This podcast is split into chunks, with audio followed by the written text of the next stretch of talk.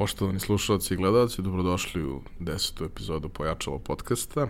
Ja sam Ivan Minić, vaš domaćin, a moj današnji gost je Ivan Bildi. Ivan Bildi je neko ko se prethodnih godina bavi digitalnim marketingom, edukacijom u oblasti digitalnog marketinga, a vodi sobstvenu agenciju, radi neki prilično interesantne klijente, sa kojima sigurno ima brojne negodoštine i uh, ono što sam negde ovaj, ispratio u celom tom procesu uh, Ivan Bildi je neko ko uh, je hteo da bude pilot. Kakve veze ima pilot i, i avi, avioni i letenje sa onim čime se danas baviš? Pa na prvi pogled verovatno nema nikakve veze. Sad krenuo sam odmah na pitanje, naravno pozdrav tebi, hvala što si me pozvao, pozdrav tvojim slušalcima. Meni je izuzetno drago što postoji podcast uh, na, na srpskom tržištu. Ja sam davno imao uh, podcast, to je možda bilo prerano tada u tom trenutku. Iako su ljudi slušali, ja sam zaista bio zadovoljan s time, pa je on prerasto u live uh, emisiju, ali super sam uzbuđen što postoji podcast u ovoj formi i što će, ja mislim, ovo pokrenuti još neke ljude da, da prave ovu formu, jer to je negdje moja omiljena forma konzumacije sadržaja, čak možda i više nego, nego video. E, pilotiranje zapravo nema nikakve direktne veze sa, sa, sa marketingom. Ja sam ceo život želeo da budem pilot, praktično od svoje druge godine, tad sam rekao hoću da budem pitol, ja nisam imao one ekskurzije kao što deca imaju, želim da budem džubretar, astronaut, e, ne znam, domaćin, bilo šta drugo. Ja sam uvijek hteo da budem samo pilot i to je to. Međutim, kad sam ja trebao da upišem, e, odnosno da se malo ozbiljnije bavim time, e, dogodio se onaj čuveni 9-11, kad se avionska industrija bukvalno urušila. I drugi veliki problem je bio što sam ja bio očajan u školi. Znači, to većina ljudi meni ne veruje kad ja pričam, jer ovako malo delujem kao štreber, ali zapravo sam ja bio jako loš đak. I to je bila jedna investicija koja je bila vrlo klimava jer meni škola nikad nije pretarano išla, iako sam ja to naravno sve završio, ali prosto to je negde za moju mamu tada bilo poprilično onako ekstravagantno bi morali prodamo stan da bi ja išao na akademiju, a meni škola nije baš išla, tako da razumem iz njenog stanovišta da to je investicija jedna vrlo rizična. I onda sam se ja našao tu u principu čime ću ja da se bavim kad porastem, kad već neću biti uh, pilot, znači to je završena gimnazija, nije, nije to bilo u, u osnovnoj školi. I onda se bio, ok, šta me drugo zanima? Uh, I mene je zapravo zanimao samo pored pilotiranja jedino još biznis. To je nešto što je meni bilo onako zanimljivo. Znao sam da neću da studiram ekonomiju. Fon je tada još uvek bio u, začecima onoga što je, što je danas i ja sam tada otišao uh, na BK, na uh, trgovinu i makarstvo fakultet i to je bilo još jedna ono noćna mora za, za moje roditelje, odnosno za moju mamu, jer ona to bilo jako teško da prihvati ideš kod Karića na univerzitet, to je baš bilo heavy, ali bila je druga opcija, onda moram na pilotsku akademiju, to nije bila baš opcija i bilo je opcija od da sad ne idem nigde više, to je to. Um, tamo na fakultetu sam on, počeo da ulazim u, u, u celu tu potpuno drugu priču koju ja nisam e, živeo do tada i tada su mi se prvi obrisi marketinga počeli da dopadaju. E, išao sam na razne i dodatne sekcije, to je bilo ono vreme e, kad je BK bio uspešan fakultet i kad je zaista svak šta moglo da se nauči tamo i van one redovne, redovne nastave. I tada je meni marketing postao zanimljiv posle kad sam otišao na master u, u London, odnosno na MBA studije, još mi se više taj marketing nekako uvukao uh, pod kožu. Iako sam ja sve vrijeme bio ono general business, uvek sam završavao general business, nisam išao ono u marketing kao, kao temu. I onda kad sam u Londonu našao posao, našao sam u marketingu, uh, onda smo iz Londona se vratio uh, ovde, ovde smo radili kolega i ja posle i ceo tim za britansku firmu. E, to je bio prvi MBA program u Srbiji, London School of Commerce. Mi smo to podigli bukvalno od nule do 2 miliona evra revenjua za dve godine. Mi smo imali više studenta nego svi ostali zajedno na tom MBA. Znači u Beogradu se vodile studije i kao okosnica svega toga je bio marketing. I onda ja kad sam dobio prvo dete, došao sam na ideju da ja ne želim više da se bavim razvojem tuđeg biznisa, već da želim da se bavim razvojem svog biznisa, marketing je bilo nešto što sam ja već radio, ne nužno u formi digitalnog marketinga, iako smo Naravno, prve kampanje digitalne sam ja tamo iskusio i tamo sam naučio uh, sve to uz neku širu sliku marketinga. I onda sam bio, ajde da osnujem agenciju za digitalni marketing. To je nešto što znam, to je nešto što radim.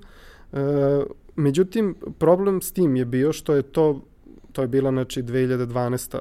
godina, znači kad sam ja odlučio da, da ću da budem preduzetnik. Um, problem je bio što su se tada uglavnom kupovali lajkovi. I kampanje su bile zasnovane na lajkovima i šta god, samo da ima puno lajkova. Bilo lajkova stranice, bilo lajkova postava. A ja sam u tom trenutku nekako prodavao program od 4500 e, evra i meni je jako teško bilo da se uopšte bavim, nisam bio uopšte u toj priči. Ja sam bio u priči preko društvenih mreža, Facebooka, tada dominantnog Googlea, kao baš može da se proda. I stvarno to radi. I tada tržište nije bilo spremno za to u smislu agencije. Znači nas je bilo četvoro i tu smo se mi rasformirali i ja sam rekao, ok, ne mogu da gradim sada uh, agenciju, nije, mislim, nije tržište sazrelo za to i bavit ću se edukacijom i radit ću jedan na jedan sa klijentima. I radio sam puno jedan na jedan sa klijentima in-house ili kao konsultant ili in-house sa njima ili, uh, ili edukacija. I tako sam nekako krenuo sa tom edukacijom da bi 2016. godine uh, krajem 2016. skapirao da malo tržište se promenilo. I sad moja sreća je tu bila što sam ja bio izložen na internetu. Kreirao sam određenu količinu sadržaja, nekima se to čak i sviđalo. I konstantno su me pitali nešto, cimali po inboxu i to su bile dnev, mislim još uvek dnevno gomila pitanja na koje sam ja odgovarao ljudima onako po tom jednom procesu uh, koji sam ja verovao da je ispravan deljenja tog znanja.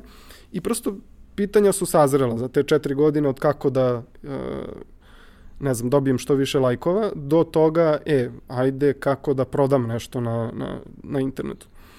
I ta sam shvatio, ok, možda se promenila on, ona početno stanovište da tržište nije spremno i rekao, hajde da napravimo sad agenciju. Tu smo okupili neke prve ljude koji su, gde nismo radili pod, bilo je samo kao test. Evo, ajde da probamo. Umesto, kao što sam ja do tada preusmeravao agencijske upite ostalim agencijama, bio sam, ajde da probamo da zadržimo nešto, pa da vidimo šta će da se desi.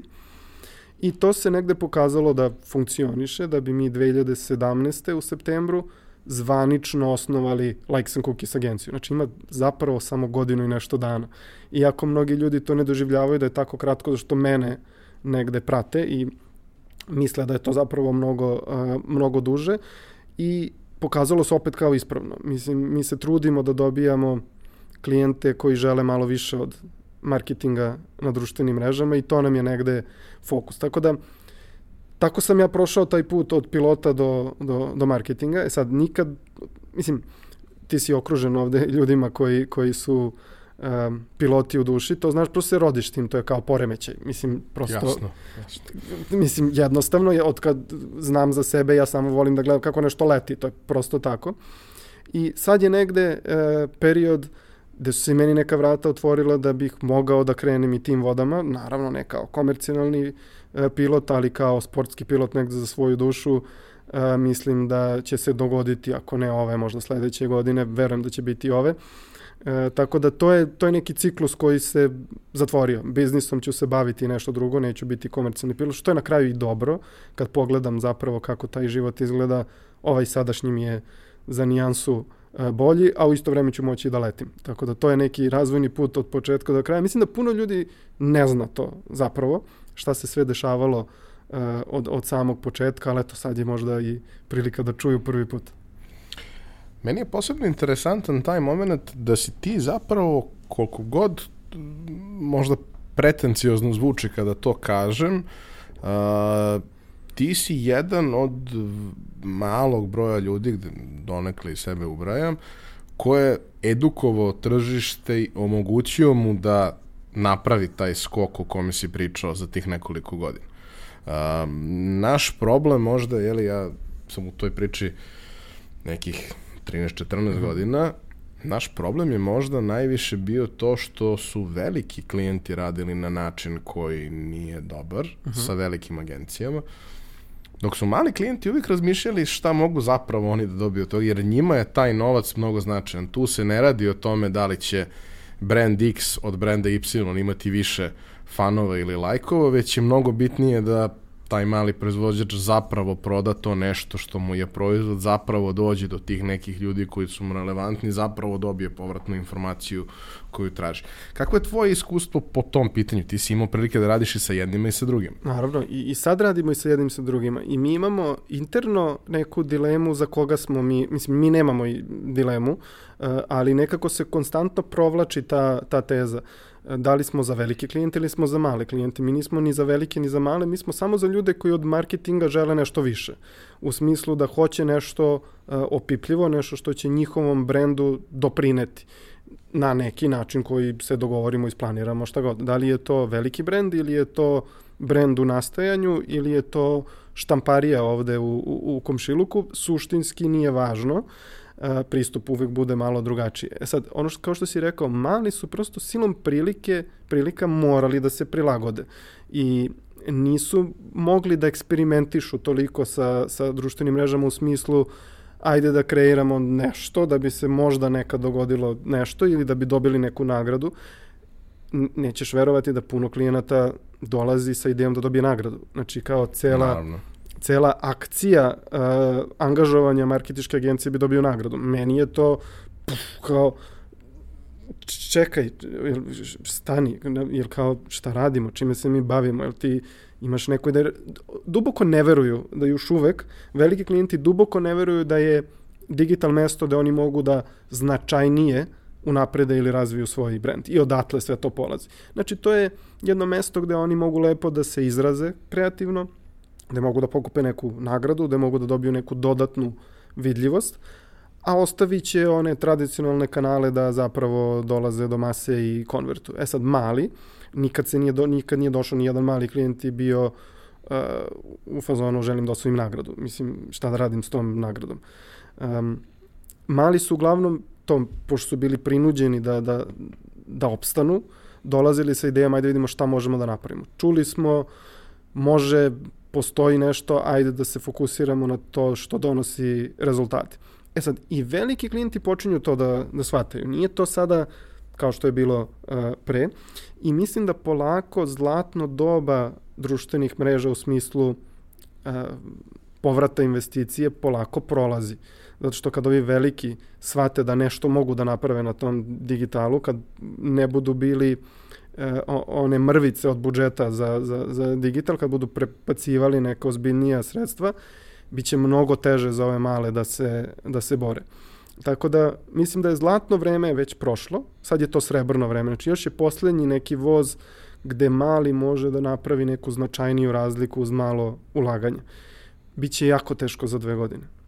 Jer je sve ponuda i potražnja. Znaš kako funkcioniše oglašavanje na društvenim mrežama i na internetu generalno. Uglavnom je ponuda i potražnja. A i sve ostalo što sve ima ostalo. veze sa poslom. Što je više para u tržištu, to je cena skuplja. I bit će im jako teško da se bore. Jer ti sad na internetu se boriš za pažnju. Nije ovoj štampariji konkurencija druga štamparija, nego je konkurencija i Coca-Cola i Fanta i uh, Jelen pivo i Red Bull. Svi su oni konkurencija jer se svi oni bore za pažnju tvog klijenta. E, to je nešto u čemu će biti jako teško da se, da se bore za par godina kad ovi veliki u potpunosti shvate da tu ima nešto van nagrade i van, eto, lepe integrisane kampanje. Da, mislim da je sve krenulo negde tamo, jeli, 2008.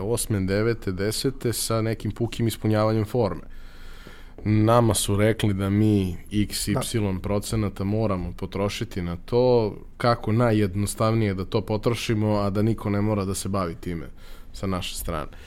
Uh, suštinski, stvari jesu krenule da se menjaju, suštinski sve više klijenata počinje da razume da zapravo određene tipove rezultata može da ostvari na taj način, da ceo proces može da izmeri, da na kraju dana uh, može da proceni da li se to isplati, da li tu postoji nekakva matematika koja ima smisla, jer ako prodaješ kredite, ako te koštaju manje plasirano Jasne. preko interneta, zašto ih ne bi plasirao?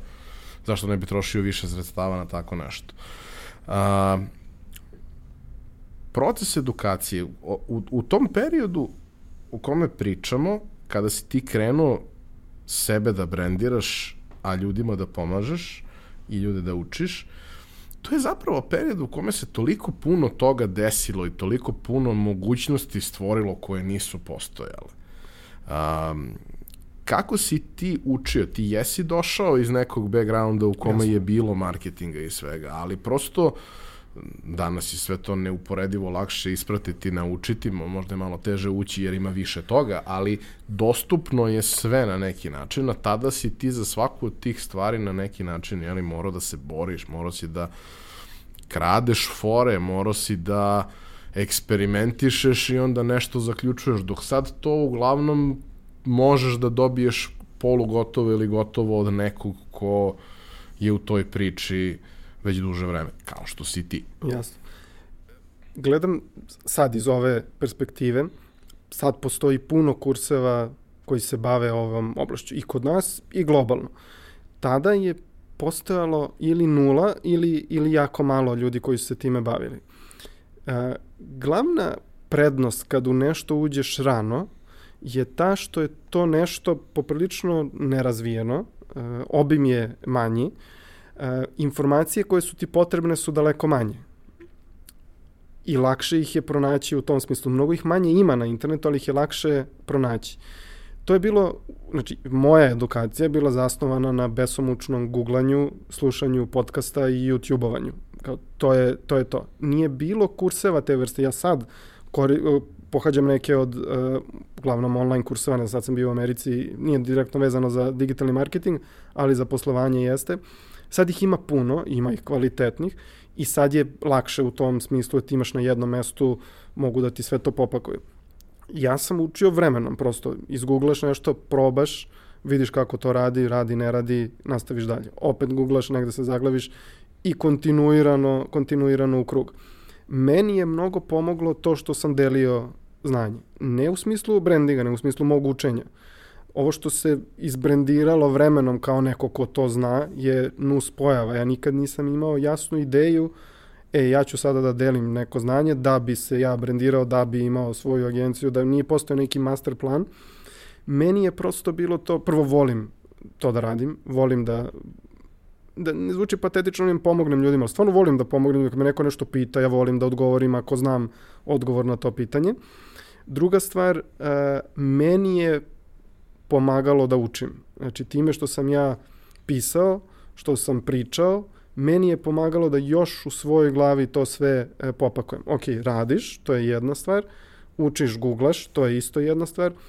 Kada edukuješ ili kroz blog postove, kroz sadržaj, kroz kurseve, ti onda to podižeš znanje zapravo na potpuno viši nivo, jer u objašnjavanju ljudima određene pojave, ako to radiš i ole dobro, ti dobijaš potpuno novu perspektivu i novu dubinu e, razumevanja toga. Barem je tako kod mene to funkcionisalo.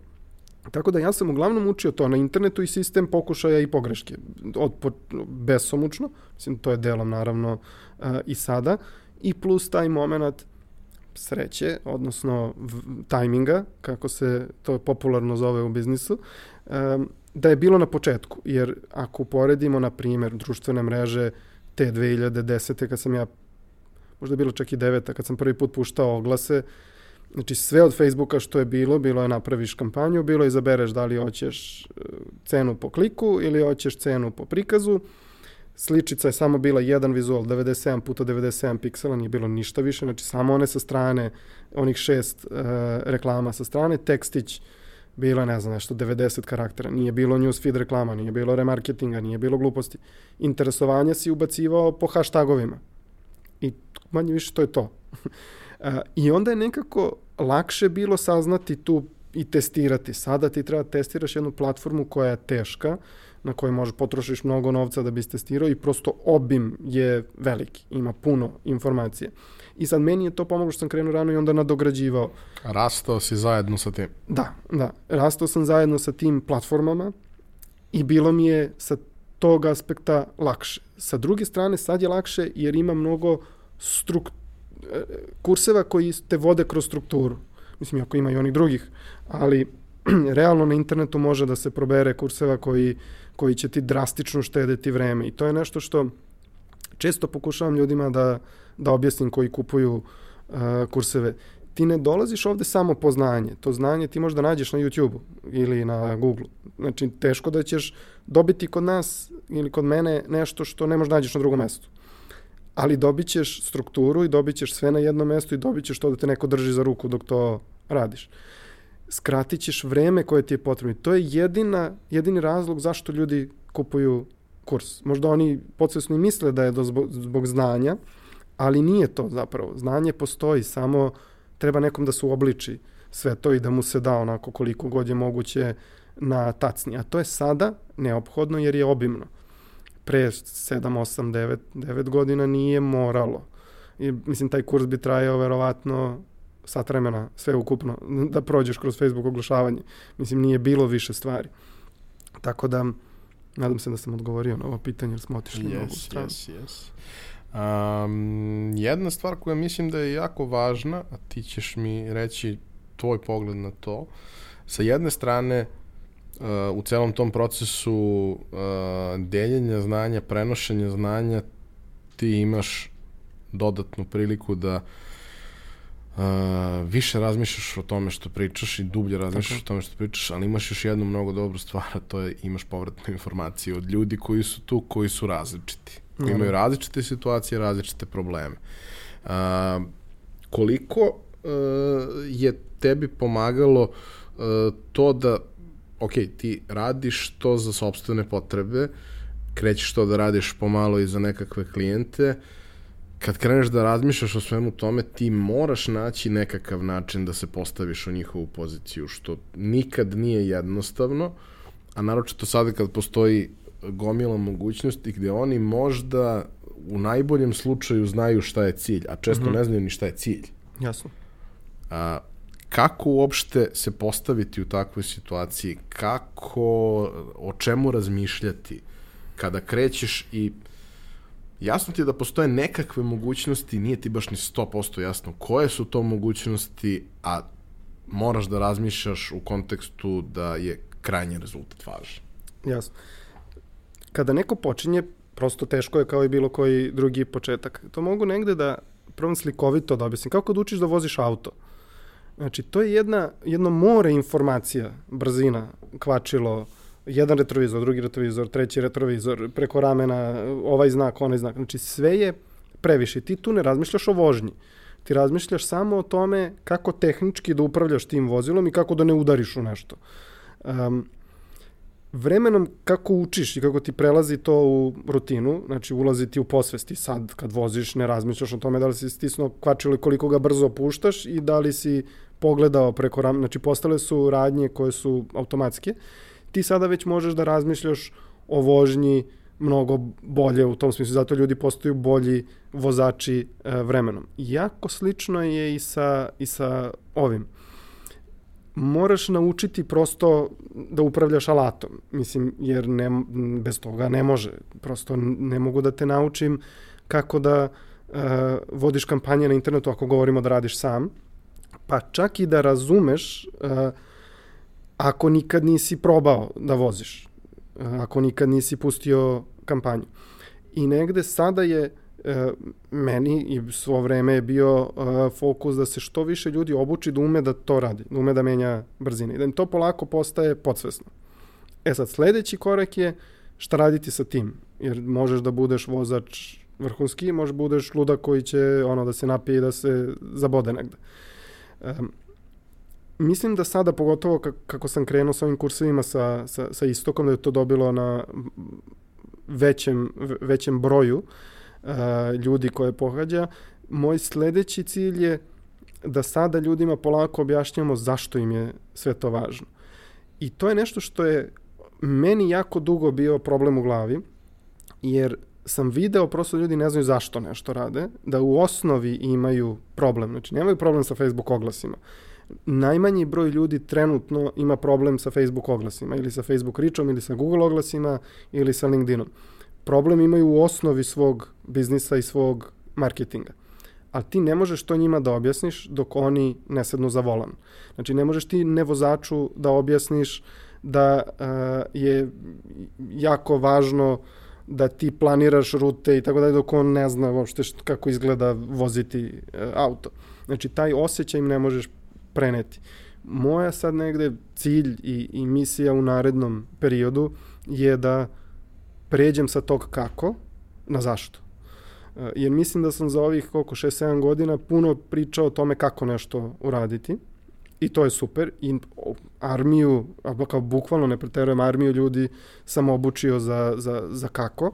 Sad mislim da je trenutak da se obučava za, za zašto. Kad taj ciklus napravimo, onda ultimativno mislim da će drastično biti bolja situacija u marketingu u Srbiji, e, u regionu generalno, mislim nismo ograničeni samo na Srbiju, mislim da će ljudima biti mnogo bolje da razvijaju svoje biznise i da će zaista dovesti do toga da, da napreduju, da njihov biznis prosperira, da imaju više novca, da imaju srećniji, lagodniji, bolji život i uspešniji.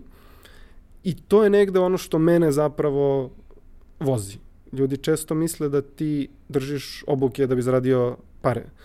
Ima, naravno, mislim, super je to kao nus proizvod, ali um, osetiš prosto na internetu, internet je takav medij, da osetiš kad neko želi da ti proda nešto samo da bi ti prodao to nešto, a da nije zaista duboko u tome sa nekom, da je nazovem, misijom. Nisam ja ovo potpuno u glavi posložio do relativno skoro, imao sam kao obrise, znao sam šta sam teo, sam znao i kad sam krenuo sa edukacijom da je bolje da imam parče velike torte nego da imam veliko parče male torte. Mislim, prosto. Tada je tržište bilo malo i mogu sam tada da prodajem lajkove i da imam veliko parče torte, ali veliko parče male torte. Ali ja sam odlučio, ajde da razvijamo celu industriju, da razvijamo celu tu kategoriju digitalnog marketinga kao, kao takvu i da kad ona poraste imamo prvo više nas da jedemo tortu, a drugo to malo parče koje ću ja imati da bude 10 puta veće od velikog parčeta male, male torte. To je bilo tada meni u planu te 2012. kada sam video da agencija neće baš da, da se od toga neću uh, hleba najesti, a kamoli nekog namaza. Um, to je tad bio cilj. Sad je cilj manje više uh, sličan, samo što je dobio još jednu novu dimenziju da mi značajno stvarno možemo da napredimo ovu zemlju radići to. Jer najveći problem u ovoj sferi koju se ja bavim je time što ljudi nemaju gde da uče nisu prošli kroz obrazovni sistem koji ih je učio o nekim konceptima biznisa i marketinga. Mislim, biznis i marketing su potpuno isprepletani sada. Još uvek je kod nas poprilično to komunističko gledanje na, na, na biznis. Mislim, prosto nema ni škole. Ti kad pogledaš, ti, ne, ti u Srbiji nemaš biznis školu. U pravom smislu te reči. U pravom smislu nemaš biznis. Imaš fond koji je, ajde uzmemo državni fakultet, imaš ekonomski koji je, mislim nije biznis fakultet, ekonomski kao takav cool. Imaš uh, fond koji izbacuje inženjere. Uh, mislim, prvo, o, ovo je nauka koja nije inženjerska nauka, ali nema veze. Znači ima, ima i taj element. Da, ima ali element. ima i humanistički element. Naravno, naravno. I kao nemaš, imaš onda sa druge strane privatne fakultete koji su uh, antiteža ovim besmislenim državnim, onda imaš besmislene privatne da bi se negde napravio ekvilibrijum. Um, I ti nemaš stvarno školu, biznis školu koja te može naučiti, biznis školu u kojoj će dolaziti neki ljudi van predavača da ti pričaju o nečemu. Ti ovde, ne daj Bože, da preporučiš nekog gostujućeg predavača koji iz biznisa, taj mora da je tajkun, lopov, eh, kriminalac, znaš kao, prosto na ljude koji imaju pare koji, ne kažem imaju, koji su napravili novac iz biznisa se gleda isključivo negativno. Mislim, srpski reč je jedan, možda i srpski jezik, jedan od jedinih jezika na svetu gde biznismen ima negativnu konotaciju, kao i filozof. Znaš, kao to ja mislim da su jedino na srpskom, kad kažeš biznismen, misliš negativno. Kao uvek je nešto ili neutralno ili pozitivno, koji mene zanima ili pozitivno. Kod nas je to negativno, znači lopov, znači propalica, znači... Prevarant prevarant, znači političar, znači utalio se, znači šta god. I um, negde mislim da to kada se stvori dobar broj preduzetnika koji su na pošten način, na pravi biznis način uh, stvorili neki, neki kapital, da će se onda i to malo uh, promeniti. Tako da se prosto od, od formalnog obrazovanja ne možeš da očekuješ to, jer oni su ili inertni ili će da prodaju ono što, što ljudi hoće. A ljudi ne znaju šta im treba zapravo.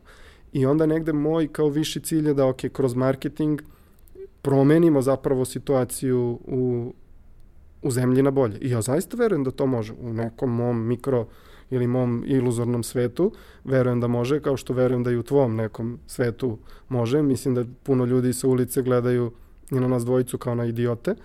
Uh, I verovatno misle da smo se sad ovde podelili neki novac za ovo gostovanje i za ne znam nija šta. Um, Ali da, to je cilj. Kao prepoznaće se ljudi, ima. Ostalo je još nešto u ovoj zemlji malo. Ima tih čudnih ljudi koji bi nešto da probaju. To, to, to, to tih čudnih ljudi. Ono što me malčice brine da je opet po, poslednjih par godina a, krenulo izuzetno negativno mišljenje o ostanku u zemlji a, i da su ljudi koji nisu planirali da idu, počeli da idu, ali to je već teška priča, možda smo otišli baš daleko.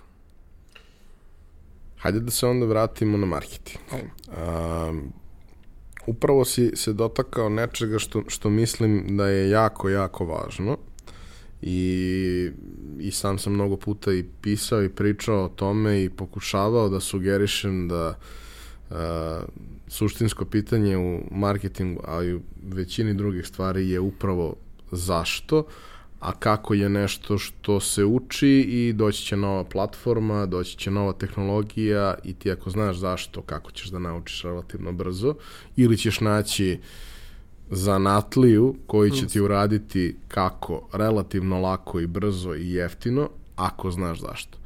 E sad, moje neko iskustvo uh, upravo iz rada što sa klijentima, što sa marketinškim agencijama, je da mi zapravo baš i nemamo u sferi marketinga mnogo ljudi koji znaju šta je marketing. Ali e, nismo krivi mi, mislim, e, moram i sve, sebe da svrstam prosto u celu tu kategoriju. Svi smo mi zajedno, svi, smo, svi mi cr, činimo to tržište. Nisu imali gde da nauče. Mislim, razumiješ, kako? Gde su mogli to da uče? Na YouTube-u, većina ljudi gleda TV kući. I uspešnih ljudi, ne mislim na ljude koji su uh, ono, uz parove ceo dan. Znači, ljudi koji se bave marketingom dođu kući gledaju TV. Uh, ili čitaju dnevne novine ili ne, ne, ne znam, slušaju muziku. Postoji gomila sadržaja koji ti možeš da konzumiraš i da se samo edukuješ. Samo to nije popularno u Srbiji jer nas je škola toliko izmaltretirala da ljudi jedva čekaju da završi školu da moraju nikad više u životu da uče. Znači ti sad svako ko završi srednju školu ili fakultet je ono samo kad sam završio ne moram više nikad da učim. A nisu mogli, nije moglo to da im bude usađeno porodično, jer su uglavnom naši roditelji živeli u nekom drugačijem okruženju i onda ja stvarno razumem da je to teško. I onda imaš pojedince koji tako iskaču. Mislim da ono što je, što je važno da ljudi samo budu otvoreni ka tome da postoji još nešto, da još nešto saznaju i da će onda moći da naprave taj skok. Ok, odrasto si u okruženju, u, ne znam, bleo si u, u, u kraju sa ono svojim e, drugarima, roditelji su ti bili komunisti, sad su pravoslavci, nema veze. E,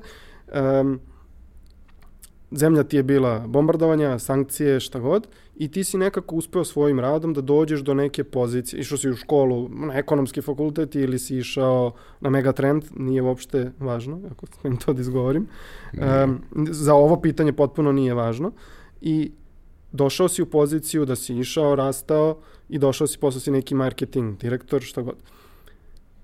Znaš kao, ne, nemaš to u sebi, nisi odrastao uz to. To je potpuno jedno drugo okruženje u kom odrasta prosečan Amerikanac, da ga nazovemo, ili Britanac, ili pa čak i Nemac, ili Italijan. Neko ko nije morao da se bori sa svim ovim demonima s kojima smo se mi borili kao, kao mali. Samo je poenta da shvate to i da budu ukazano, ok, postoji nešto iza. Znači, samo je to potrebno i onda će polako vrata da se otvaraju, onda ćeš početi da učiš, počeš da razmišljaš o tome i to je bukvalno beskonačan krug. E, znači, tu nema kraja, ti kontinuirano moraš da učiš ono čime se baviš, mislim, pogotovo kad su ovakvi soft skilli u pitanju, soft, skill, soft skills. Um, tako da, mislim da je samo to važno, da se ljudi ono, otvore, da postoji još nešto i da postoje pojedinci koji iskaču i koji javno pričaju o tome. Znači, nije nam pretarano korisno da imamo gomilu pojedinaca koji ćute. Mislim, nije korisno je za njih, ali nije korisno za, za celokupno uh, tržište. Znači, ti pojedinci koji iskoče da pričaju o tome. Kao, to je, u principu je vrlo jednostavno. Samo je u praksi teško. Pa uvek je teško promeniti, suštinski promeniti svest ljudi na, na neku temu i e, preći iz jednog sistema koji je jako dugo tu, koji su se ljudi učaurili u nešto što je, što je potpuno drugačije. E sad, nekako se meni čini, opet možda zadiremo previše u društvene teme, ali prošlo je 30 godina. Um, razumem, ali kad pogledaš razliku gde smo bili pre 30 godina probleme koje smo imali, oni su vrlo slični. E sad, to što je prošlo 30 godina ne znači puno, pošto se nije ništa promenilo. Tako da, uh, mislim, mi, sad opet zadiramo u te, te teške teme, ali kao mora da se reše neki problemi koji ti stalno odlače pažnju. Prosto, uh, kao i u biznisu, kad neko ima biznis i ima neki problem u biznisu, koji nije marketinške vrste, koji ne, ne, neke vrste, operativne suštinske. ili suštinske vrste. Um, dok to ne rešiš, možeš prođeš 100 godina i ti ćeš da umreš, nećeš preneti na svoje uh, dete informaciju, on će opet morati da uči, pa će i ono da, znaš, kao prosto mora negde da se napravi taj kvantni skok. Znaš kako meni je to, kad sam, dok sam bio u Britaniji, postoji ono vic, mislim da se zna i kod nas, kao um, kad dođu pitaju ono Britance zašto je ta trava tako zelena, koja je tajna zapravo te trave. I on kaže, pa ništa, uzmeš redovno je kosiš i zalivaš. Kao, ma ne, ne, kaže mi stvarno koja je tajna britanske trave. Pa uzmeš kosiš, zalivaš i tako 300 godina. E pa to je tajna. Znači, neće se desiti ništa za jednu generaciju. Neće se desiti ništa za 5 godina, za 10, za 50, neće za jednu generaciju. Ali ako budemo tu travu zalivali 300 godina, onda će nešto se promeni. Ja znam da to sad zvuči malo deprimirajuće, ali kao sad uzmeš, kreneš i radiš, imaš tu neku svoju decu, gledaš u njih i budeš u fazonu, a vidim šta ću ja da prenesem da on ne mora da krene od nule od koje sam ja krenuo, neko on krene od... Ili iz minusa. Ili iz minusa. Neko on krene od nekog broja dva, pa ide, neki ide, neki ide dalje. Ali ovde ljudi gledaju kako za svoju decu moguće da odu negde napolje. I ne mogu da ih krivim. Da, mislim da je to tema koju smo negde ono, svi okupirani na neki način, čak i ako nas možda intimno to nikad nije zanimalo, da ponovo imamo tu situaciju da ljudi koji nisu želeli da odu, razmatraju da odu, posebno taj trenutak kada dođu deca, kada yes. postane porodica višečlana, je red, ono, neretko situacija u kojoj ljudi razmišljaju, ok, nisam baš siguran da želim da mi dete odrasta ovde. Da. A, ne verujem da možemo da rešimo taj problem. Malo mi deluje previše ambiciozno da, da, da tako nešto pokušamo. Ali ono što mislim da možda možemo da, da, da rešimo za jedan jako mali broj ljudi koji će onda vremenom postati malo veći je da tim nekim i mlađim i malo starijim ljudima damo neku smernicu uh, sa čime bi mogli da počnu. I kroz ovaj podcast sa nekim gostima sam pričao o tome uh, šta su te neke stvari koje možda ti ljudi trebaju da pogledaju, pročitaju, šta je to nešto što ako već se nekako unutrašnje lomi, će da zapali tu iskru od koje će sve da krene dalje. Šta ti misliš da je, da je to? Knjiga, serija, film, nije bitno. YouTube kanal, nije uopšte važno, ali šta su neke stvari kada neko razmišlja da želi da krene u tom smeru od kojih bi možda mogao da, da počne? Da. To je baš teško pitanje.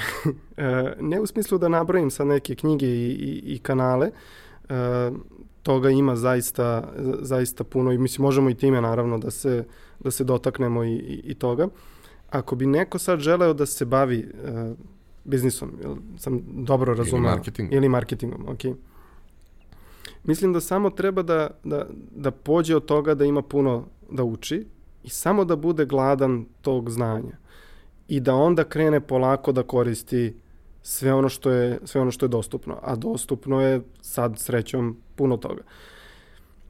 sajtovi, YouTube kanali, knjige, sve nam je bukvalno dostupno bez problema. Ne znam, ja koristim Kindle i onaj Audible, volim da slušam audio knjige, kao sve ti je to dostupno instant, ne moraš da sad kažeš, e, nema dostava za Srbiju, ne, ne treba ti dostava, imaš uređaj pa slušaj na, na, na uređaju. Um, samo da budu, kao, da, samo da budu otvoreni prema tome. Ne, ne, nemam neki bolji način. Ako budu želeli da nauče nešto, naučit će ga kako god. I da budu istrajni. Sad, ako govorimo o specifičnim mestima na, na internetu, u Srbiji e, postoji e, puno, e, puno, ne postoji puno, ali ima određen broj ljudi koje mogu pratiti i čije blogove mogu čitati, kao što je, na primjer, Istokov blog, iako ne piše redovno i dalje, mislim da tamo svako ko počinje bi trebalo da počne od njegovog e, bloga, prosto zato što jako dugo tu ima sublimirano sve na, na jednom mestu, zaista puno, puno stvari. E, možda ga ne treba nužno pratiti na društvenim mrežama, može dobiš krivu sliku o, o, o istoku, ali ga čitaj njegov, čitaj njegov e, blog, to je jedno sigurno najbolje mesto u, u Srbiji odakle se može krenuti. Pa onda nadalje, onda iz toga će se shvatiti da postoje neke teme. Ako vidite da je nešto, na primjer, on pisao, uzmeš Google što, pa tražiš dalje. U, u Srbiji još koga bi bilo dobro pratiti. Ja mislim, ljudi često se ne slažu uh, sa mnom, pošto on prilično polariše ljude. Mislim da treba prate i Petra Vasića. Um, način na koji on priča, možda se nekim ljudima neće dopasti, ali probajte da slušate šta on priča. Uh, puno toga što on priča vrlo ima smisla kapiram da za naše okruženje kako to priča je problematično, prosto takvo smo okruženje, da je negde drugde ne bi bilo problem, kod nas je to problem i to je, ne znam ako sluša ovo, to je moje moje mišljenje, ali mislim da treba, da treba pratiti i, i njega. I postoje još puno tako pojedinaca, ne znam, i Dragan Varagić ima blog već e, 100 godina, on je možda malo teži za, za, za razumeti i za ispratiti, možda ne bih na samom početku savjetovo da to čitaju jer će misliti da je digitalni marketing ne, nešto prekomplikovano i preabstraktno. Um, koga još? Ajde, ti mi pomozi, ti sigurno znaš ljude koje još domaće mogu pratiti u tom smislu. Pa dobro, mogu tebe da prate. Pa dobro, da, okay, to mi, ne, to, mi je nekako, prate. to mi je nekako sad očigledno, pa da ne preporučujem samog sebe, to mi je malo uvek čudno. Um, Ali postoje tu razne interesantne, razne interesantne mesta, postoje tu razne neke Facebook grupe, marketing zajednica, pa Tako i za neke specijalizovane za neke specijalizovane, da kažemo, oblasti, odnosno niše u okviru digitalnog marketinga postoje posebne grupe koje su okrenute ka, ka toj populaciji. Tu ljudi dele vrlo interesantne sadržaje, ne. vrlo interesantne člantke, istraživanja i slične stvari koje opet uh, Da li će nekome suštinski da promeni život neki od tih tekstova? Vrlo verovatno neće, ali će pokrenuti neko razmišljanje i pokrenut će možda neko dalje istraživanje na, na tu temu. A, od stranaca? E, od stranaca sad malo, malo da grupišemo po nekim temama. Ako zanima SEO, tu bi krenuo od Moza, MOZ kao jednog mesta odličnog za početak. Oni imaju svoj besplatan, kako bi se zove, kurs, SEO kurs, nešto. Mislim da je to jako dobra osnova za, za početi. Od društvenih mreža i kao to, tog aspekta imamo Social Media Examiner, kao mediji koji se poprilično bavi društvenim mrežama. Imamo, ja prosto uvek njega preporučujem Gerija, Gary Vija, mislim da opet ako izuzmemo to način na koji priča, puno toga priča sa, sa smislom, pogotovo ako ga pratite vremenom, vidite da mnoge stvari o kojima on priča se zapravo na kraju dogode, uh, u smislu gde se sve, gde, gde se kreću stvari, tako da mislim da je on jako dobro mesto kad su društvene mreže u pitanju set godin, ume da bude malo kompleksniji, treba ga razumeti, možda nije za sam početak, ali uh, set godin takođe za, za, za praćenje. Uh, Um, I onda imamo nadalje beskonačnu količinu raznoraznog sadržaja na koji ćeš naleteti na ovaj ili onaj način. Opet, kroz taj social media examiner, ako slušate, na primjer, njihov podcast, što ja isključivo slušam samo uh, podcast njihov, uvek ima neki zanimljiv gost. vidiš, dopadne ti se, ako ti se dopadne, uzmeš njega, pratiš. Uglavnom su to ljudi koji kreiraju neki sadržaj na ovaj ili onaj način i to je najbolji način da se nadalje proširi ta, ta, taj krug ljudi koje, koje zapravo uh, pratiš na, na, na internetu i čije blogove, tekstove uh, čitaš. John Loomer uh, za Facebook Ads, za tehni, tehnički deo Facebook reklama, mislim da je jedno od boljih mesta na, na, na internetu. Zaista onako tutoriali koji su vredni pažnje, ja sam išao na njegove kurseve, e, takođe mislim da je poprilično vredno pažnje ako imate potrebu da, da investirate u, tako nešto. Nisu jeftini, ali mislim da su, mislim da su dobri. Um, ko bi još mogao da, da, da mi pada na pa mislim i ovo je za jednog šest meseci minimum rada, ako ne i godinu dana e, dubokog istraživanja. Ali eto, ajde tu da negde zaokružimo, to su ljudi koji su mi sad instant pali na pamet. Mislim, postoji još puno, naravno, i čak i ljudi koji mi pade na pamet ne bih nužno preporučivao da ne stvorim sada e, konfuziju, jer nema ništa gore kad je veliki izbor. Um, ovih par stvari od toga krenuti, pa odatle će se nadalje širiti sigurno sve. A naravno, uh, možemo to ostaviti i, i za posle, ali ako ti padne na pamet, volao bih da kažeš. Um, kroz ovo što si sad naveo, uh, to je dakle neka varijanta za informisanje, učenje novih stvari, praćenje šta se dešava, učenje finesa, poliranje, ali nismo se dotakli onog zašto. Šta ti misliš iz, iz tvog sada sa x godina, mm -hmm. 10 godina mlađem sebi, bi rekao uh, ako ćeš pročitati jednu knjigu, dve, tri, nije bitno, to treba da bude ta i ta. Mm -hmm. uh, zašto ti to kažem? Zato što ako je neko uporan, on će doći do nečega. Ali ako nije uporan, kad pročita prvu stvar i ona mu ne legne na pravi način, verovatno neće se dohvatiti drugi. Da. Od čega se kreće ta, od čega kreće ta viroza? Ovaj koju pokušavamo Sad, da izazovemo. Tu, ja mislim da nema univerzalni odgovor na, na to. Ja sam se negde pomenuo sam na početku, možda, im, ima smisla da ti kreneš prvo od zašto, uh, pa onda kako. Međutim, u meni, barem u praksi, se pokazalo da to kod ljudi ne funkcioniše. U mojoj praksi način na koji sam ja komunicirao sa ljudima, ne mora znači da je univerzalna istina.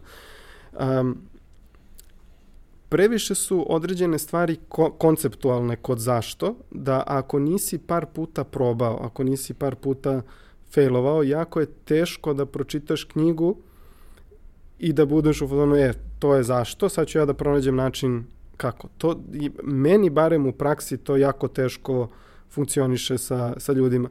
Ono što vidim da zaista oni koji naprave razliku su oni koji su po prirodi radoznali prosto i koji krenu sa kako, krenu, urade nešto, dođu do određenog nivoa. Nauče par stvari osnovnih i onda prosto se oseti kod ljudi koji su ne kažem talentovani, ali koji, koji su spremni za nešto više, oni osete prosto da postoji nešto što se prožima kroz sve to, ali da ga ne razumeju. I onda kreće potraga za tim, za tim nečim. Kao da pričamo o situaciji u kojoj ti ulaziš u nepoznati tunel i hodaš ne, nepoznatim tunelom i sve ti je nejasno i sve, a u drugom slučaju srećeš ipak neke stvari, neke predmete usput koji se, ti se čine poznatim, pa imaš nekakvu motivaciju, asocijaciju, razumeš da. delove, slaže ti se lagano puzzle. Tako je, tako je. Mislim, pogotovo što se, ja se, na primjer, vraćam na neke knjige koje sam čitao pre, imaju potpuno drugačije značenje. Tako da i to je nešto što je onako vrlo, vrlo subjektivno. Zavisi u kom trenutku i tvom, tvog života i kao i života tvog biznisa. Sve to vrlo, vrlo zavisi. Mi imamo, kao što imamo stadijume života našeg, gde smo, ne znam, deca, pa tinejdžeri, pa odrasli, pa ono u piku, pa onda polako starimo, pa na kraju završimo uh, karijeru. Tako isto i biznis svaki ima. I sad u različitim stadijumima tog biznisa različite teme se otvaraju. Jako je teško kad si nova firma, startup, da se previše baviš konceptualnim stvarima, jer za njih jako redko kad imaš vremena i često te... I širine. I širine, i, i vremena, i širine, i moraš da preživiš do sutra, i moraš... Prosto, i, i kad ne počinješ da čitaš Dostojevskog, znaš, krećeš od nečeg, od nekog bukvara, od neka kosa crta, ravna crta. Znaš, prosto, tri praseta. Tri praseta kad ti čitaju, pa onda kosa crta, ravna crta. Mislim, prosto ja, ja verujem da mora da postoji jedan određen napredak pre nego što dođeš do konceptualne stvari, jer konceptualno, to je na primjer mislim da je problem sa lektirom u, u osnovnoj školi. Kao nisu bre deca spremna za to, prosto jedva su naučili da pišu, tek su naučili neki još na, nariču čitanje, ti mu uvali Žanu Karenjinu. Mislim, šta može, dete, budemo dosadno. Ili Mešu Selimović, znaš kao, hoće se ubije. Ja sećam ja kad sam to čitao u školi, hoće se ubijem. Bilo je neke talentovane dece kojima to bilo super, većina nije, ali mislim da prosto Zato mislim da je jako važno da se polako uči, da naučiš te prve korake, da možeš da probaš, da možeš da osetiš da nešto radi i da onda to dižeš na konceptualni nivo i da zapravo raširiš svo to znanje i da znaš zašto sve to radiš. I kad gledamo i neke uspešne kompanije,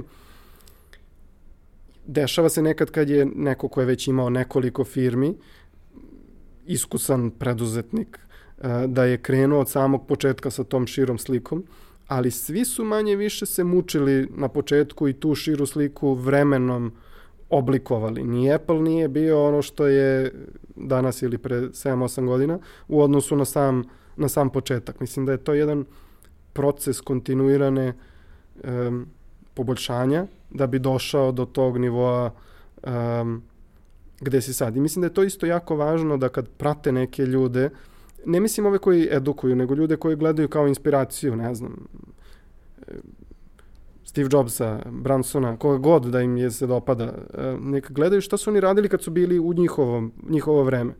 Jer Steve Jobs pred smrt i Steve Jobs kao sam početnik nije ista osoba kad je osnov sa, sa, sa voznijakom osnovu Apple.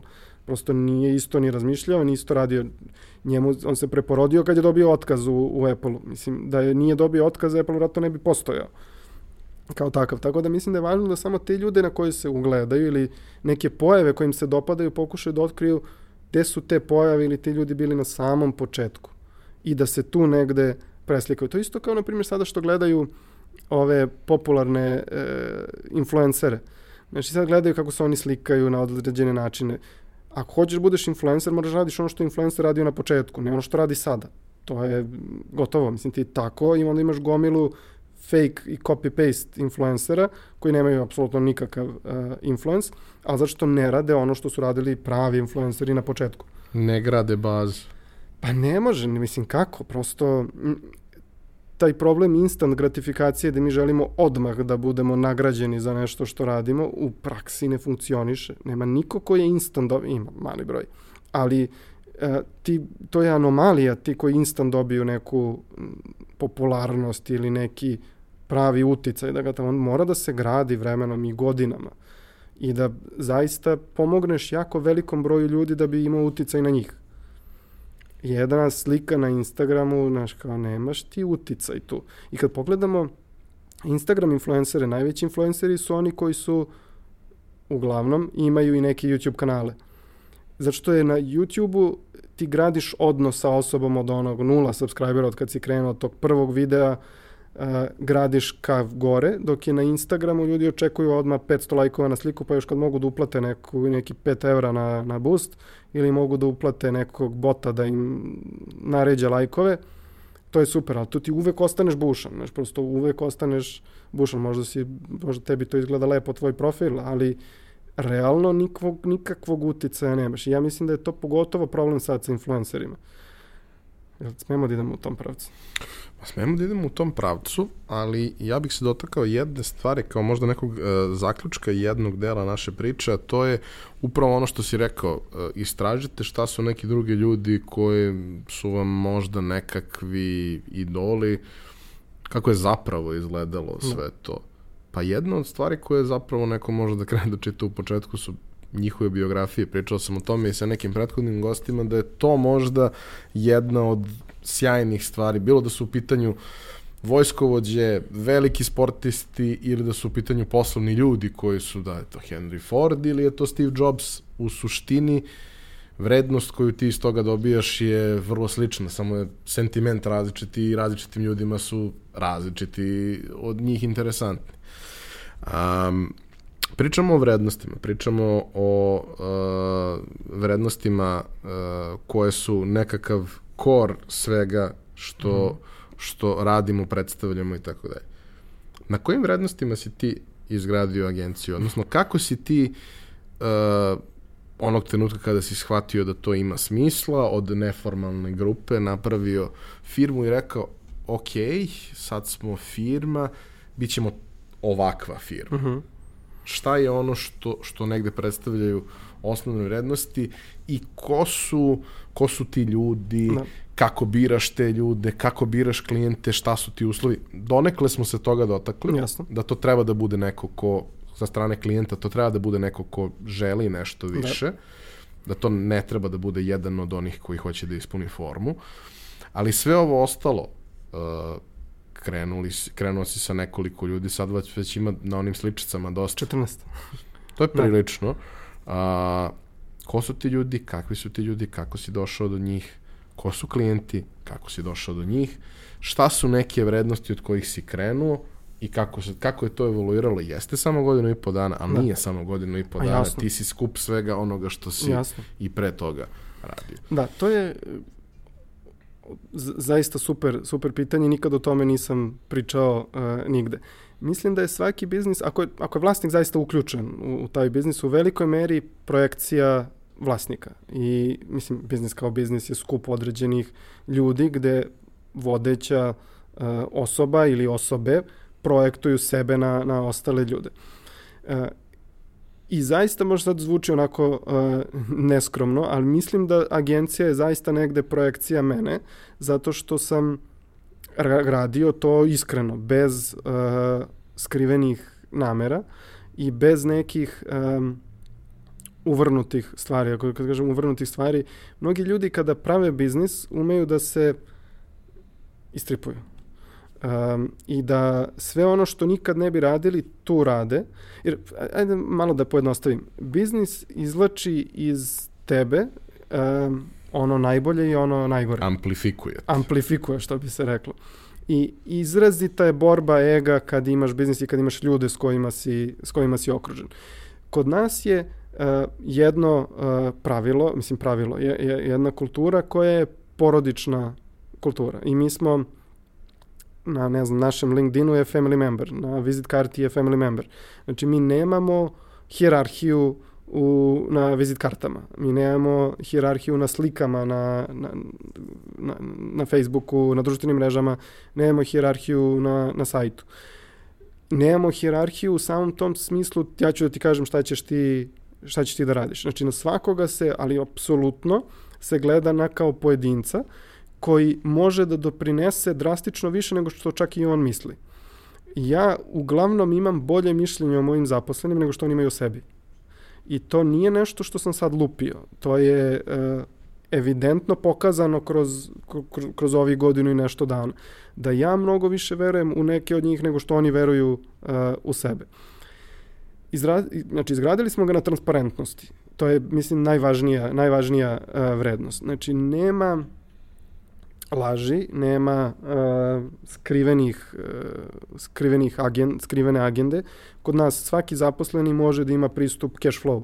Znači dođe i može da ga vidi. Nemaju svi pristup da ne bi baš to negde isturilo.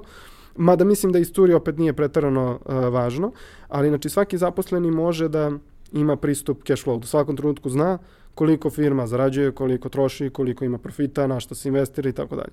Svako od zaposlenih zna šta onaj drugi radi u smislu ne zna naravno operativno ovaj što je dizajner da zna da pušta oglase, ali ima uvid u to šta se dešava.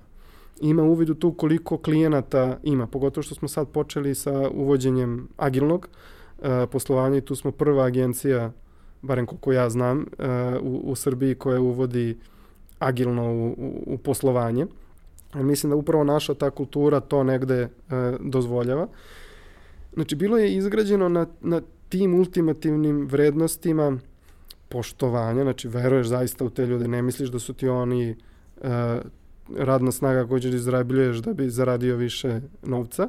Izgrađeno je na osnovu toga, na osnovu poverenja prema tim ljudima, to što ih daš mu uh, zadatak i ne diraš ga više. Znači, pustiš ga da uradi. Ljudi će uglavnom uraditi bolje ako im ne kažeš šta da rade.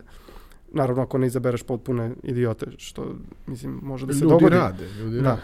ali mi kad zapošljavamo uh, ljude, isključivo zapošljavamo po tome da li će se oni uklopiti u ostatak tima. Uh, i, jer ja mogu da ga naučim svemu, znači mogu da ga naučim pušta oglase, mogu da ga naučim marketing strategijama, dizajner može da nauči da dizajnira. Ali ako je on uh, nevaspitan, ja to ne mogu da ga naučim. Ako on ne poštuje druge ljude, ja to ne mogu da ga naučim. To su morali njegovi roditelji da ga, da ga uče. Tako da mi pronalazimo te ljude koji su lepo vaspitani. To je, to je stvarno važno. Mislim, meni Fini je, ljudi. Fini ljudi. Ali ne, meni je to stvarno važno. Prosto ne mogu da, da sedim s nekim ko, ko nije lepo vaspitan. Ne u smislu ono, štirk i ostalo, ali lepo vaspitanje dolazi je kao osnova tvog ponašanja i odnosa prema svim ostalim ljudima. Znači mora da bude u tom smislu um, humble.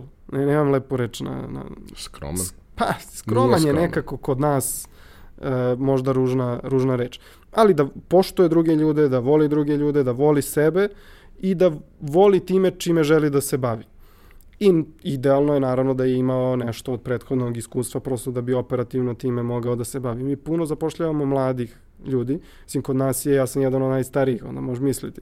Imamo, imamo rodića koji niko ne zna baš koliko je star, između 40 i 180 godina, ne, ne zna se tačno, otkrićemo možda nekada, ali kao to je to. Svi ostali su uglavnom 90 plus godiš. Dobro, Petar i ja smo stariji, moja supruga, ali svi su relativno um, mladi i zaista su voljni da doprinesu. I neiskvareni. Pa, to je isto nešto o čemu smo pričali. Mi ne volimo preterano da zapošljavamo ljude iz drugih agencija. Da, jer to je, pogotovo u Srbiji, onako poprilično ume da bude Loše formirano. loše formirano. Ne u smislu rada, u smislu odnosa međuljudskih odnosa koji su ostvarivali na tim mestima, međuljudskih odnosa sa kolegama i sa nadređenim. To je nešto što je, što je trauma verovatno za ceo život, koja se jako teško menja, pogotovo ko si proveo 3, 4, 5 godina u nekoj takvoj agenciji. I mi onda takve ljude ne zapošljavamo. Mi zapošljavamo one koji su, koje zaista možeš da oblikuješ u tom smislu da se uklopi u tvoje, tvoje okruženje. I mislim da su ljudi to masovno primetili, s polja i van, van naše agencije, mi dobijamo pa na dne, ako ne na dnevnom nivou, barem dva, tri puta nedeljno, ono, na e-mail, eh, hteo bih da radim kod vas, hteo bih na praksu, hteo bih ovo, hteo bih ono. Uh, mi u principu došli smo do 14 ljudi, imali smo oglas jednom za um, videografa, jer opet specifična, specifična je tema, i jednom sam ja podelio na društvenim mrežama nam treba neko za oglašavanje. I kao to je to. Svi ostali ljudi su došli tu tako što su nekad se iscimali i poslali uh, CV ili tražili da rade ili na bilo koji drugi, ili ih mi prepoznali pa i pitali da li hoće da, uh, da, da rade i tako dalje. Znači imamo par, zapo, mislim par, jednog, dvoje koje smo zaposlili prevashodno na osnovu njihovog Instagram profila. Jer opet ne mogu da ga naučim šta je lepo. Mislim, kako ja da te naučim šta je, šta je lepo? Ne, ne mogu da te naučiti ako ima tu dobru osnovu, on će naučiti kako da, ne znam, kači sliku, da boostuje ili šta već mu je posao da, da, da radi. Tako da imamo, ne znam, jednu devojku na osnovu njenog profila, jednog dečka na osnovu njegovog biznisa koji, koji je radio i koji je nastav, mislim, radi još uvek privatnog mali mikro, mikro biznis, gde smo prosto videli kako to sve izgleda uh, u praksi. Tako da, mislim da su to neke osnove i da ljudi to primećuju. Prosto vidi se kad, ne znam, zaposleni kače storije iz agencije, a ne kad agencijski nalog kače storije kako smo srećni, jer to, mislim, može bude ovako i onako. Kad mogu da zaprate te ljude, a prate ih i kaže čak pošto poto, od kad sa istokom vodim ove kurseve, on ima enormnu količinu hejtera na ovom svetu, gde nas, na primjer, ubace u grupu, sve nas zaposlene u, u, u Lex Cookies, ako mi nemamo nikakve veze sa istokom, znači ja držim s njim kurseve, ne radimo s njim agencijski, I onda, na primjer, ubaci sve zaposlene. Znači, ko se on lik iscimo da nas pronađe, ok, ima nas na sajtu, ali pronađe, doda sve u grupu i kaže, vidiš šta je Istok podelio, ne, Istok prevarant, ne znam, tamo podelio neki klip. I kao, brate, mili, gde si nas pronašao? Što si nas okupio sve jedno mesto? Šta nas briga, bre, za, za, za istoka i koja je Odakle ti toliko vremena? Odakle ti... To... Istokovi fanovi imaju mnogo vremena, to da se razumemo. To, to je nepresušan izvor. Mislim bi mogao podcast, samo ne jedna epizoda, nego podcast da se napravi o istokovim fanovima. Um, znači, prosto ljudi prate njih i vide kako je, kako je to i vide da je to okruženje koje je zdravo. I zaista mislim da je zdravo. Mi koji imamo naših internih problema, organizacijskih i ono, klasičnih umetničkih problema, ali je zdravo okruženje.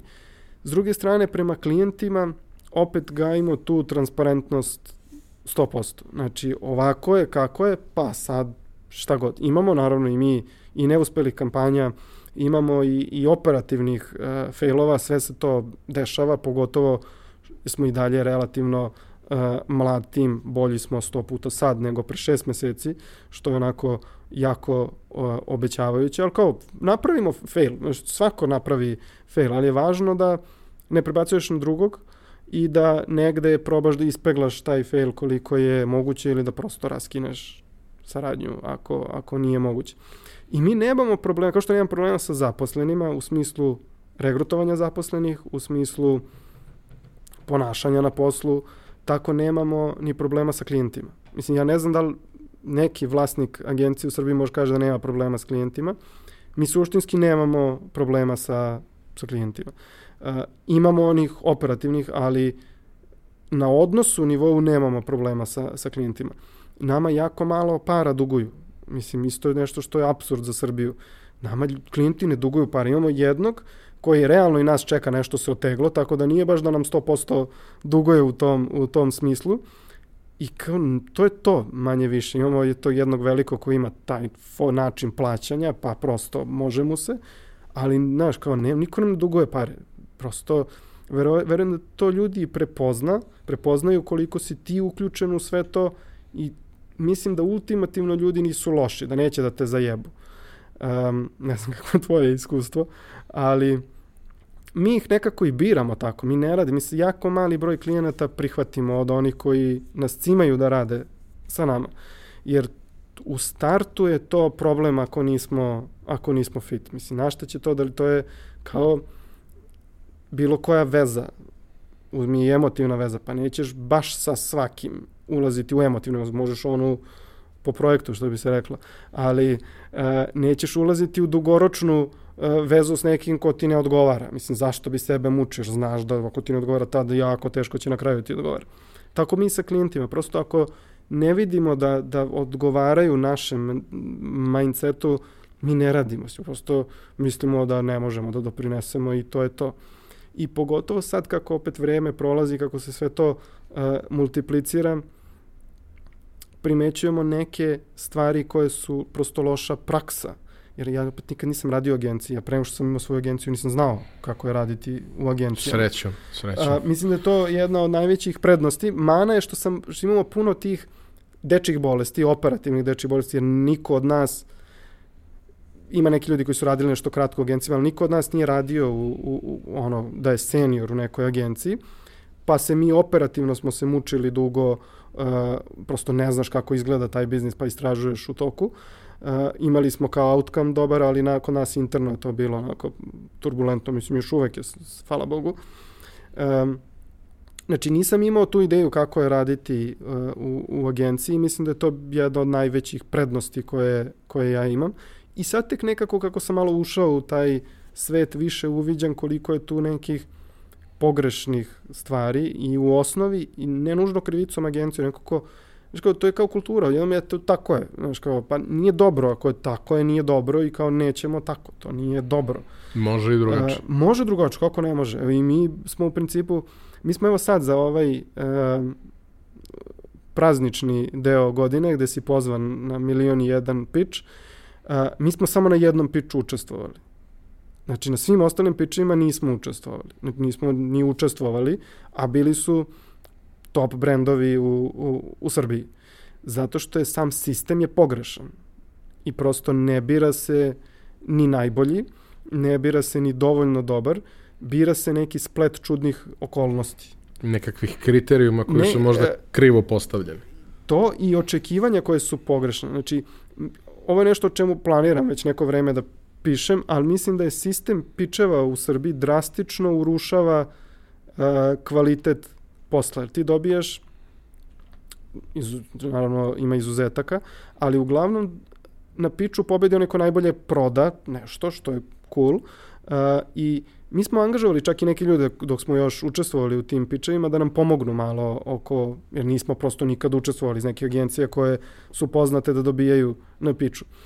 I mi smo prekinuli saradnju s tom osobom posle prvog prosto našeg sastanka, jer je polazna osnova bila cilj je dobiti klijenta. Šta će se posle raditi, to je druga priča. A, meni prosto to u mojoj osnovi je pogrešan način. Znaš, kao, to je ultimativno pogrešno. Možda neću izgraditi agenciju, ali neću to da radim. Znači, nema, nema šanse, nema Boga, ja sam ovako nisam pretarano veliki, sitan sam, ali sam vrlo tvrd i tvrdoglav, znači neće se desiti, nećemo raditi naopako, radit ćemo onako kako mi mislimo da je ispravno, ne da mislimo, nego duboko verujemo da je ispravno i radit ćemo s klijentima koji žele tako da rade. Jer ti, na primjer, samo uzmi da ljudi mogu da shvate, tebe svaki pitch izuzetno košta kao agenciju radnih sati koje moraš da investiraš. Prosečno te pitch u radnim satima, ako je ozbiljan, ozbiljniji pitch, košta između 3 i 7, 8 milijada evra. Uglavnom, da bi učestvovao u pitchu. Znači da potrošiš taj novac u vidu radnih sati taj novac mora negde da se stvori. On, on, to, to nije besplatno, to, to, to, to su plate koje si ti dao, to je prostor koji si ti platio, to su doprinosi, to su porezi, to je, znači taj trošak postoji i on mora da se oduzme od nekog klijenta ili od tog klijenta ili od nekog, znači u količini rada koji si mu posvetio. Ti negde ako si dobar u pičevima možeš da dobiješ svaki ne možeš treći, ali četvrti, peti, šesti da si dobar u pičevima. Znači to je jedno 5-6 svakih da dobiješ. Znači ti si potrošio 5-6 puta, ajde, 5-6, znači jedno 30.000 evra za jednog klijenta. Vrlo verovatno taj novac nećeš nikad dobiti nazad. Ne, treba ti barem dve godine saradnje sa tim klijentom, što uglavnom nije praksa, uh, da bi vratio taj novac. Klijenti, ja mislim da i dalje to ne shvataju, to, time što ne plaćaju pičeve, plaćaju samo lošim rezultatom svojih kampanja. Jer to mora se plati od negde. Taj novac mora da se generiše. Mislim, on ne može da visi, izvini, ne može visi u vazduhu. Znači, oni ga plaćaju, znači svaki pitch koji se ne plaća u Srbiji se plaća, ali plaćaš ga svojim budućim kampanjama i svojim radom, jer ti kad tebe, taj klijent, klijent pošto ima jednu, jednosmernu ulicu iz njegova, on misli, ok, sad se oni bave sa mnom, da, ali oni učestvuju na 4-5 piča, znaš kao, to mora negde da se pokrije taj, taj trošak, pogotovo u digitalnom marketingu je to problematično, jer mi nemamo budžete kao kreativne agencije gde ti imaš fi od, ne znam, 100.000 evra, pa kao tih 20-30 što si dao da se učepiš, ima smisla, ali u digitalnim agencijama ti daš 20-30 da se učepiš, a tebe košta 30 godišnje, da, to, znaš kao, nema, nema računice, nema matematike i onda pada kvalitet, zato nemaš nekih spektakularnih digitalnih kampanja u Srbiji. Vrlo redko. Pa postoje, ima, naravno. Na, ne, sve ovo što govorim nije isključivo, znači postoji, ima, ali umesto da je pravilo, to je izuzetak. I prosek je nizak, naravno, ima uspešnih daleko od toga, ali prosek je nizak, zato što prosto mora, jer je model takav. Postoje i plaćene pičevi, to je neka praksa koja se pojavila jel, u prethodnih nekoliko godina. Vrlo često su ti iznosi, haj nećemo reći možda simbolični, ali neadekvatni, ali postoji vrlo negativna praksa da sve te neke kreativne ideje koje su deo pičeva, na kraju ipak u nekom obliku možda minimalno izmenjenom ugledaju svetlost dana, iako agencija koja ih je osmislila nije dobila taj pitch. A, atmosfera u industriji je prilično nezdrava, uslovi za, za rad ljudi su takvi da je burnout e, neminovan posle godinu ili dve ljudi od da putuju oko sveta da bi se negde ono vratili u normalu a ti opet nekako pokušavaš sad tu nešto potpuno drugačije od toga šta, šta ti misliš da si, kako ti misliš da to može tako? Pa očigledno ja ne mislim puno. e, verovatno da mislim bi morao nešto drugo da, da radim na drugačiji način, ali ja imam neku svoju priču i neki svoj svet i nekako sam uvek, ceo život sam bio takav, prosto imao sam neko svoje e, okruženje i svoju viziju i e, guraću u tom pravcu. Mi nismo imali negativnih iskustava da je neko uzeo našu ideju i tako dalje. Znam da se to, mislim ne znam iz prve ruke da se dešava, ali evidentno je da se, da se dešava.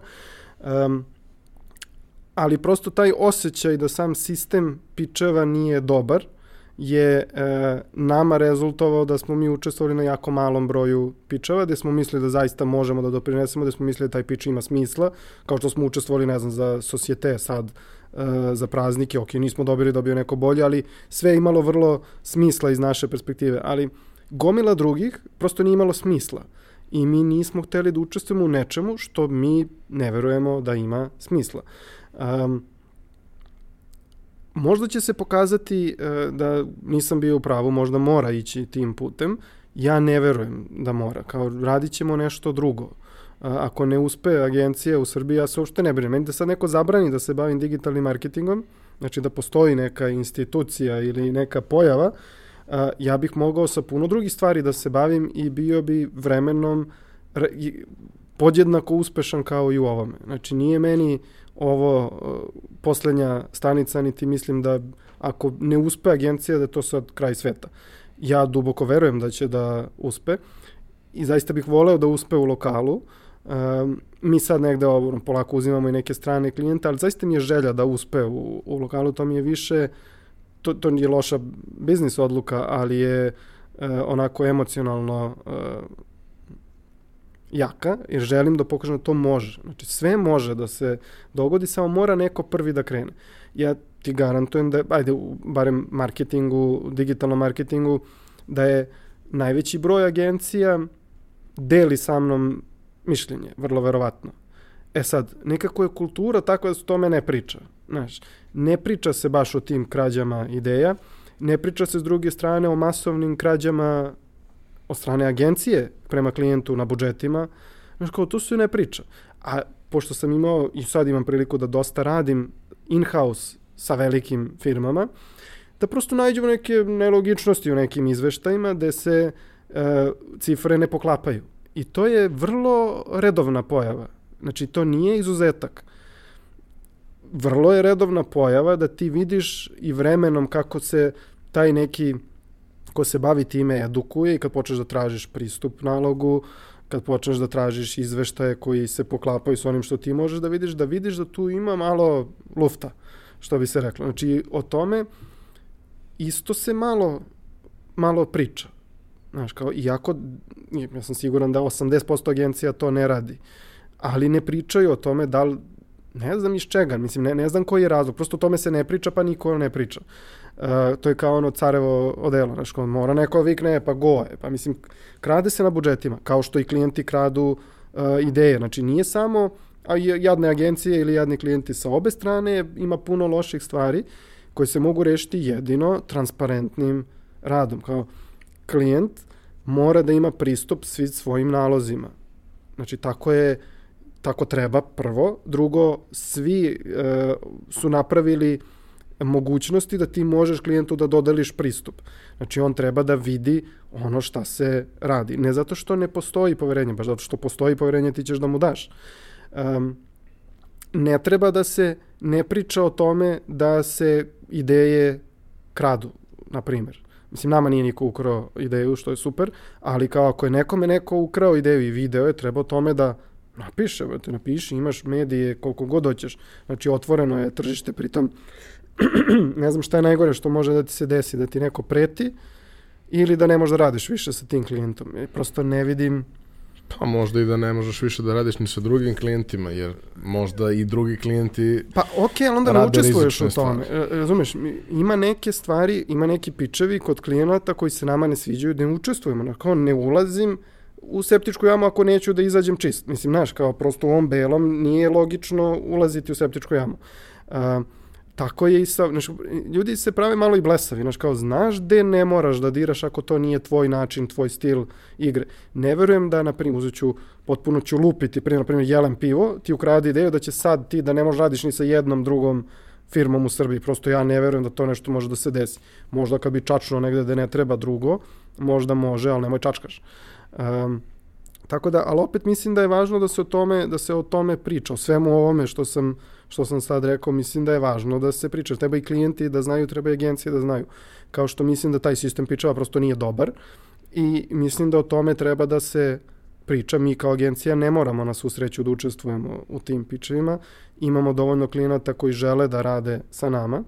Ja ne mislim da ne treba da postoji izbor. Naravno, ti kao klijent treba da biraš.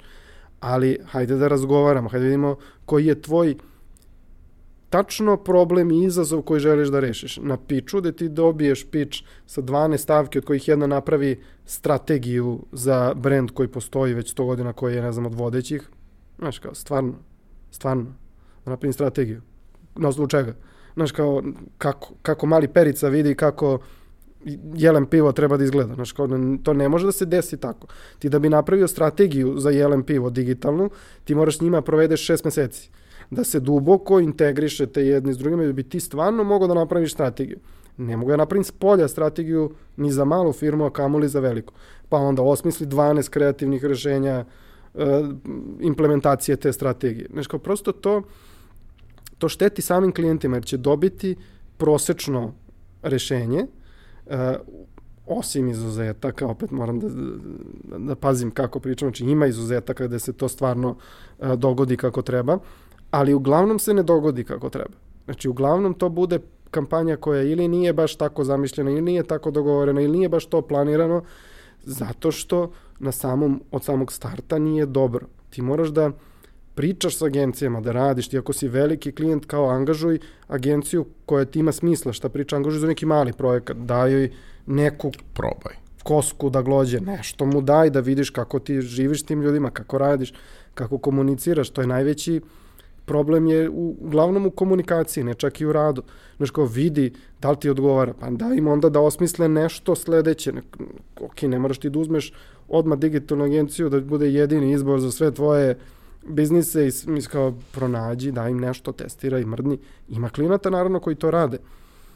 Ne kažem da nema, samo govorim o tome da to treba postane normalno, a ne ovo drugo. Znači, nećeš raspisivanjem piča da tražiš milion i jednu stvar, te tražiš strategije, zaista dobiti strategiju, pritom ne platiš. Platit ćeš kroz svoje buduće kampanje, jer će tvoj, tvoja agencija raditi za nekog drugog piča. Ja nisam imao toliko iskustva sa tim plaćenim pičevima, e, možda, možda postoji, mi nismo dobili ni u jednom ni ideju da će biti e, plaćen. E, možda, prosto nisam ga video. Um, zavisi koliko, jer ti, znaš, prosto time što si platio za pitch, ti si zapravo osigurao da tvoje kampanje, da se neko posveti tome u, zaista u, u fullu i da ne moraš da plaćaš posle na mostu, ako već nisi platio na Ćupri. Sad ja razumem, to bi trebali svi da rade, jer ovako je jedan je idiot, uh, ali to je, to je nešto što kao treba da se dogodi ili makar da se drugačije pičevi rade. Znači, teško je za digitalnu agenciju raditi pič kao za kreativnu agenciju, jer je matematika drugačija. Prosto kad, budeš, kad bude postojali fi budžeti od stotina iljada evra godišnje za digitalne agencije, onda možemo da radimo i takve stvari. Sad to trpi sam klijent. I kao nema izbora. Celu svoju priču si izgradio na neki način na ličnom brendu, a lični brend si izgradio na edukacijama i sada ti je jedna od um, važnih oblasti delovanja upravo edukovanje ljudi. Uh, pominjao si da postoje planovi da se u narednom periodu to dodatno razvije u još nekim smerovima. Uh, voleo bih ako bi nam za kraj rekao nešto malo više o tome. Da. E, pet godina već držim e, e, raznorazne e, kurseve iz oblasti digitalnog marketinga. Od onih fokusiranih Google, Facebook, Analytics i tako da to su neke teme prosto koje sam ja pokrivao, da su uglavnom bili ti vikend kursevi. Onda sam sa istokom krenuo da držim opet te offline kurseve da su bili jednodnevni ili vikend kursevi. I onda smo došli do tog momenta da ljudi iskoriste 5 do 10% od kursa na koji odu previše informacija, potrebno je da se vraćaš na određene stvari da bi ih prosto savladao pažnju, znaš, imaš 45 minuta, sat i po koncentraciju, posle nemaš, spa, mislim, najedeš se, spavaš. Prosto, uh, offline je odličan za određenu stvar, za učenje ovoga je popriličan promašaj. I onda smo zbog toga, sam uspeo da nagovorim isto kad napravimo online uh, kurs, gde ljudi mogu da se vraćaju hiljadu puta, da gledaju, da prolaze i da imaš vremena da ih zaista naučiš svemu što im je važno. Jer ovako pojedinačno, dobro je, bolje išta nego ništa, ali uvek ti fali ta, ta šira slika. I to je na svu sreću, uh, ljudi su to prepoznali i imamo sada na oba kursa i na staroj grupi koja je još uvek uh, aktuelna i na novoj grupi 1700 i nešto uh, ljudi. Ima bukvalno, ja mislim, svih firmi iz, iz Srbije, što mi je posebno drago, jer ovu priču koju, koju pričam agencijski mora mislim da je jedan veliki razvoj toga, ok, mi ćemo pričati tu priču, ako se još neka agencija priključi strava, podržat ćemo nju da priča tu priču, ali ne oslanjamo se da se samo stvari dese, kroz edukaciju kontinuirano ponavljamo ove stvari koje sam i, i sada pričao. I duboko verujem da će se vremenom, kao što su naučili da su društvene mreže važne i da su naučili da na internetu nešto postoji van lajkova, tako će se i smisao polako pojavljivati. I sad je ideja da sa ovom grupom koja je krenula prva e, napravimo naredni korak koji će više biti iako ga zovemo napredni kurs, zapravo je samo drugi, drugi deo, gde ćemo malo više pričati o tome zašto i šta, a ne toliko uh, kako na što je bio fokusiran ovaj, ovaj prvi deo uh, kursa. I to je nešto što, kod čega sam poprilično onako uzbuđen. To je nešto o čemu ja nikad nisam pričao, jer sam ja uglavnom pričao uh, kako. Negde sad i na LinkedInu više Pišeš pričam, više o tome, da, da, više pričam o tome. To je sad i moj neki onako uh, lični eksperiment i nešto pravac u kom želim ja da, da, da, da idem, jer ovo sam manje više pokrio i nije mi ni toliko zanimljivo da pričam kako ceo, ceo život. A mislim da se pojavljuju prosto i nove generacije koje su uh, spremne da sada nastave da pričaju o tome uh, kako. Ja ću opet idem tamo gde nema gužve. Um, veliki deo sada mojih aktivnosti će biti zasnovan na tome zašto sve to radimo što radimo. I sad nastavak ovog kursa koji je bio prošlog juna će biti upravo to. Nastavak za ovu grupu koja sad kreće, kad završe, oni još to i ne znaju, pošto ne znaju da postoji nastavak uh, kursa, će biti upravo to uh, zašto. I za sve nove generacije koje budu dolazile, gledat ćemo da im spajamo i jedno i drugo. Prosto ove prve dve su ono i, i najdraže, prva je ubedljivo najdraža, to smijem da kažem i, i, i javno, prosto ljudi koji se tamo okupili su potpuno uh, nenormalni, trpe i mene istoka i, i više nego što, što možda i, i, i treba, ali i mi smo zaista dali neuporedivo više nego što su ikad očekivali. Uh, mislim da sa, sa tim obimom koji smo uspeli da ostvarimo, da ćemo moći da zaokrenemo neke stvari, će puno ljudi znati kako nešto da radi i da će onda jedan veliki procenat njih znati i zašto nešto treba da se radi i da će onda zapravo cela ta industrija malo se uh, level upovati što se svega tiče i što se, ono što sam na samom početku pričao, mislim da je kao i šira slika i kao zemlja i kao biznis celokupa na kojoj svaka zemlja uh, počiva, da će uh, biti unapređen. I to je neki plan za, za u buduće. Um, nemamo sad upis uh, otvoren, puno ljudi se i dalje uh, javlja, mi znači, upišemo grupu ljudi, šest meseci rade, ne primamo tada druge, za šest meseci kad oni završe ide uh, nova tura. Nova tura će biti kada se krenu u januaru, biće vratno kraj septembra, početak oktobra, neće pre toga jer ovi završavaju 15. jula, tad ne da upišemo novu grupu, uh, tako da kao sledeća će biti u, u, u oktobru. Uh, a do tada će već, do tada, do tog oktobra će već biti i ovaj deo zašto formiran, zašto deo kursa, imaćemo opet taj prvi feedback od strane, od strane ljudi i vidjet ćemo kakve to promene, promene donosi. A doneć, mislim, stvarno, evo obećavam svima koji, koji, koji gledaju, pogotovo onim ljudima koji se bave digitalnim marketingom, koji su možda negde ne vide van te ružne slike koja postoji, kao naučit će ljudi. Samo moramo malo da ih učimo. To je to. Malo, malo da im pomognemo da, da nađu pravi put. Pa naravno, mislim, ok, kapiram da ja to volim da radim, pa mi je mnogo lakše. Možda ima ljudi koji to ne vole, ali oni koji to ne vole, neka makar to rade zbog sebe. Biće njima mnogo, mnogo bolje jer će ih ljudi, ljudi prepoznati prosto kao osobu koja nešto propagira što ima smisla. To se oseti, mislim. Sva, na internetu se vrlo lako oseti ko je fake, ko nije fake, pogotovo ako postoji XY godina i to je bogatstvo interneta. Ivane, hvala ti što si bio sa nama.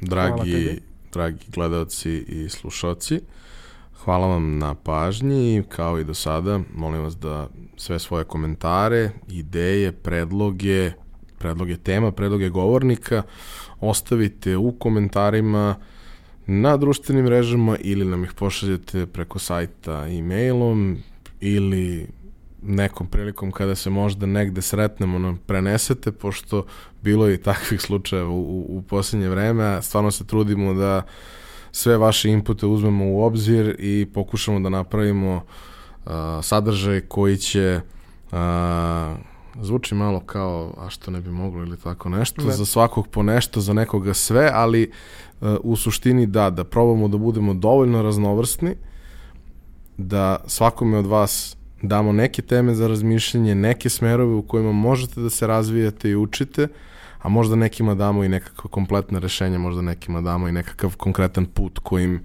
mogu da idu. Hvala još jednom.